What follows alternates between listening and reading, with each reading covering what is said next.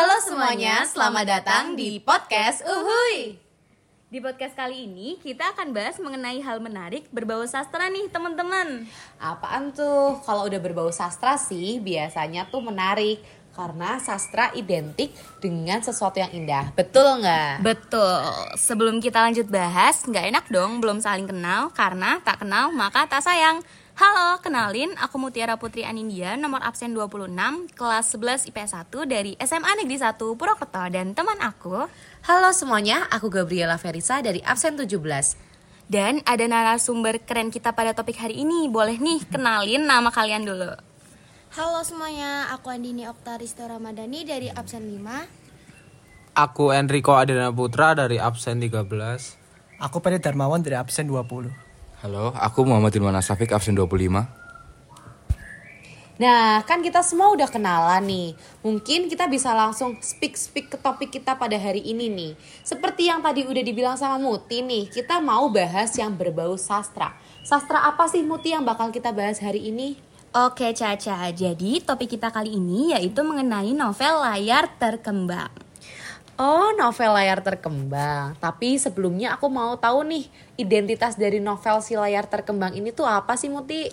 Jadi novel layar terkembang merupakan novel karya Sultan Takdir Alis Jabana yang diterbitkan pada tahun 1937 oleh penerbit Balai Pustaka.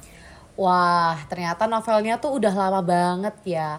Tapi kita semua nih sebagai pendengar nih pingin tahu nih sinopsis dari novel layar terkembang ini nih. Boleh kali Patrick nih sebagai narasumber jelasin ke kita dan pendengar semuanya tentang sinopsis novel ini. Jadi nih, cerita dan novel ini itu mengisahkan tentang dua orang saudara perempuan yakni Tuti dan Maria yang merupakan putri dari seorang Matawai Dana Banten yang bernama Raden Wiriat Maja. Ibu dari Tuti dan Maria telah lama meninggal. Meskipun mereka bersaudara, namun mereka memiliki watak dan karakter yang berbeda. Tuti seorang gadis yang pendiam, berprinsip, tegas, dan sangat aktif dalam kegiatan organisasi. Sedangkan Maria adalah seorang gadis periang dan mudah mengagumi seseorang. Dengan kekagumannya itu, Maria berpacaran dengan seorang laki-laki yang bernama Yusuf. Maria dan Yusuf menjalin hubungan hingga tahap serius untuk melangsungkan pernikahan. Namun, menjelang hari pernikahan, Maria terkena penyakit menular hingga ia terbaring di rumah sakit dalam waktu yang lama. Di akhir hayatnya, Maria berpesan pada Yusuf untuk menerima kakaknya sebagai pengganti dirinya.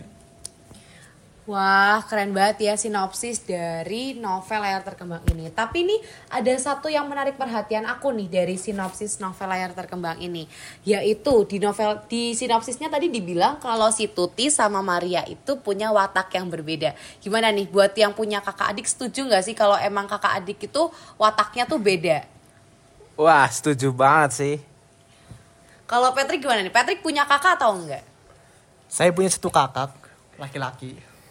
Terus Dan- gimana nih kepribadiannya sama kamu berbanding terbalik atau sama gitu? Uh, ya ada sama ada bedanya ya. Kalau misalkan samanya mungkin di rumah itu sama-sama pendiam, tapi kalau di sekolah sama-sama cerewet. Tapi kalau perbedaannya ya dia lebih emosian daripada saya, istilahnya baperan lah. Oh gitu. Beneran baperan lebih baperan dari kamu? Iya, ya kalau misalkan berhubungan sama temennya apalagi itu. Tapi kalau soal game dia nggak terlalu. Oke. Terus aku pengen narik dari sosok Yusuf ini nih. Kan di sini narasumber kita ada yang cowok-cowok ya. Nah, kalau misalkan kalian punya cewek, terus ceweknya itu nyuruh kalian sama cewek lain, itu gimana sih? Emang mau ya? Duh, nggak nggak kebayang sih ya kalau misalkan gitu gimana sih. Tapi kalau ya pertama ya saya mikirin dulu gimana situasinya ya. Kalau emang mungkin saya benar-benar suka sama wanita yang disuruh itu ya mungkin bisa. Tapi kalau biasa aja mungkin kayaknya nggak bisa deh. Oke, tadi kan udah dijelasin nih sama Patrick tentang sinopsisnya. Jadi novel ini tuh bertemakan tentang apa sih? Jadi novel ini bertentang tentang perjuangan sosok wanita guys. Oh, jadi novel ini tuh bercerita tentang sosok wanita. Mungkin emang pemeran utamanya tuh si Tuti. Iya, betul Si Tuti banget. ya, perjuangan si Tuti. Nah, selanjutnya nih, boleh nih Riko jelasin tentang tokoh-tokoh di dalam novel ini serta watak-watak tokohnya tuh gimana sih yang ada di dalam novel layar terkembang? Oke. Yang pertama itu ada si Tuti sendiri itu seorang wanita kekinian yang memiliki pemikiran yang modern dan berpikiran bahwa laki-laki dan wanita itu sederajat dengan segala hak dan kewajiban yang setara ya. Yang kedua itu ada adiknya si Tuti atau Maria, seorang wanita yang selalu ceria, periang. Yang ketiga ada Yusuf, seorang baik hati, terpelajar, serta mahasiswa kedokteran yang memiliki pemikiran modern juga. Yang keempat itu ada Supono, seorang pemuda yang baik hati dan berpendidikan. Ini yang suka sama Maria ya? Iya kayaknya ya. Iya. Tapi ditolak sih kayaknya ya di di cerita ini tuh si Pono ditolak si si, Po- si Supono tuh ditolak sama si Maria. Eh, sama Tuti salah. Terus yang terakhir itu ada Wirya Atmaja, ayah dari Maria dan Tuti, seorang laki-laki yang agamis, penyayang dan baik hati. Tadi kalau dilihat dari wataknya Yusuf kayaknya eh, pacar idaman banget ya. Bener gak nih buat cewek-cewek? Bener, nggak? Bener Iya. dong, gila. Mana ada yang nggak setuju sama mahasiswa kedokteran auto lulus jadi calon mantu? Udah baik hati, terpelajar, pemikirannya juga modernis. Terus suasana di dalam novel ini tuh gimana sih? Suasananya itu ya mengharukan sih ya. Mengharukannya tuh gimana Patrick? Bisa menjelaskan nggak? apa tuh Ha-ha. mengharukannya? Terutama mengharukannya itu di adegan akhir-akhirnya sih ketika apa ya si Maria itu meninggal ya dan dia membilang kalau disuruh menikahi Dika sendiri seperti itu. Udah gitu doang mengharukan. Tapi emang mengharukan sih kisahnya ya.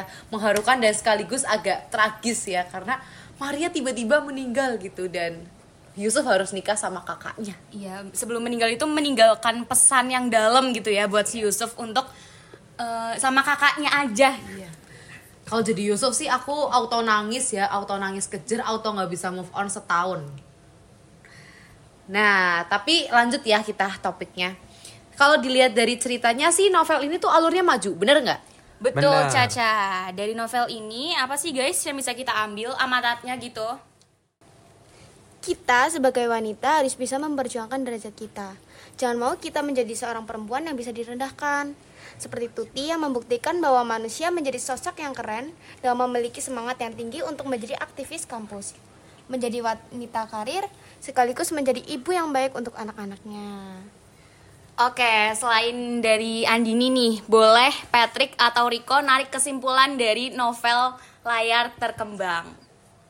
Kalau menurut aku sih kesimpulan dari novel ini tuh kita sebagai laki-laki harus menghargai wanita, jangan merendahkan wanita. Kita harus meniru dari sosok Yusuf ya, yang sangat menghargai Maria sebagai seorang perempuan. Dan juga mungkin jika kita mempunyai pasangan, kita harus benar-benar menghargai setiap momen dilalui. Karena tidak ada yang tahu nih kapan kita akan berpisah dengan orang yang kita sayangi dalam hidup. Nah, aku juga mau nambahin nih mungkin dari kesimpulan novel ini tuh kita sebagai wanita itu tuh emang harus kayak Tuti ya, jangan mau direndahin sama laki-laki dan juga harus memperjuangkan derajat kita gitu. Kita tuh nggak apa-apa jadi ketua, kita tuh nggak apa-apa jadi sosok yang dominan asal kita itu emang apa ya nggak nggak menjelek-jelekan pria juga gitu. Wah, dalam banget ya pesan-pesan dari novel layar ter- terkembang ini. Nah, selanjutnya nih, novel ini kan udah dari tahun 1937 ya, yang artinya tuh udah 86 tahun. Kira-kira ada nggak sih nilai yang masih relevan sampai sekarang gitu? Coba nih Patrick. Walaupun udah lama sih ada nilai yang masih relevan ya sampai sekarang, yaitu perjuangan Tuti karena Tuti bekerja keras dan mengangkat derajat wanita. Tapi ada nggak nilai yang nggak relevan dari novel ini? Yang sam- yang di zaman sekarang itu kayaknya udah nggak ada gitu. Ya mungkin kayak tadi ya ketika seseorang yang kita sayangi itu meninggal dan berpesan kepada kita mungkin untuk menyayangi saudara dia itu mungkin sama sekarang mungkin udah jarang ya atau orang yang berpesan seperti itu. Iya bener juga sih, kalau sekarang orang lebih milih move on ya, kalau Iya. nggak menjomblo seumur hidup gitu. Iya. Wah, teman-teman nggak terasa ya kita udah bahas sampai relevansi novel nih. Jadi kayak beda novel ya kita.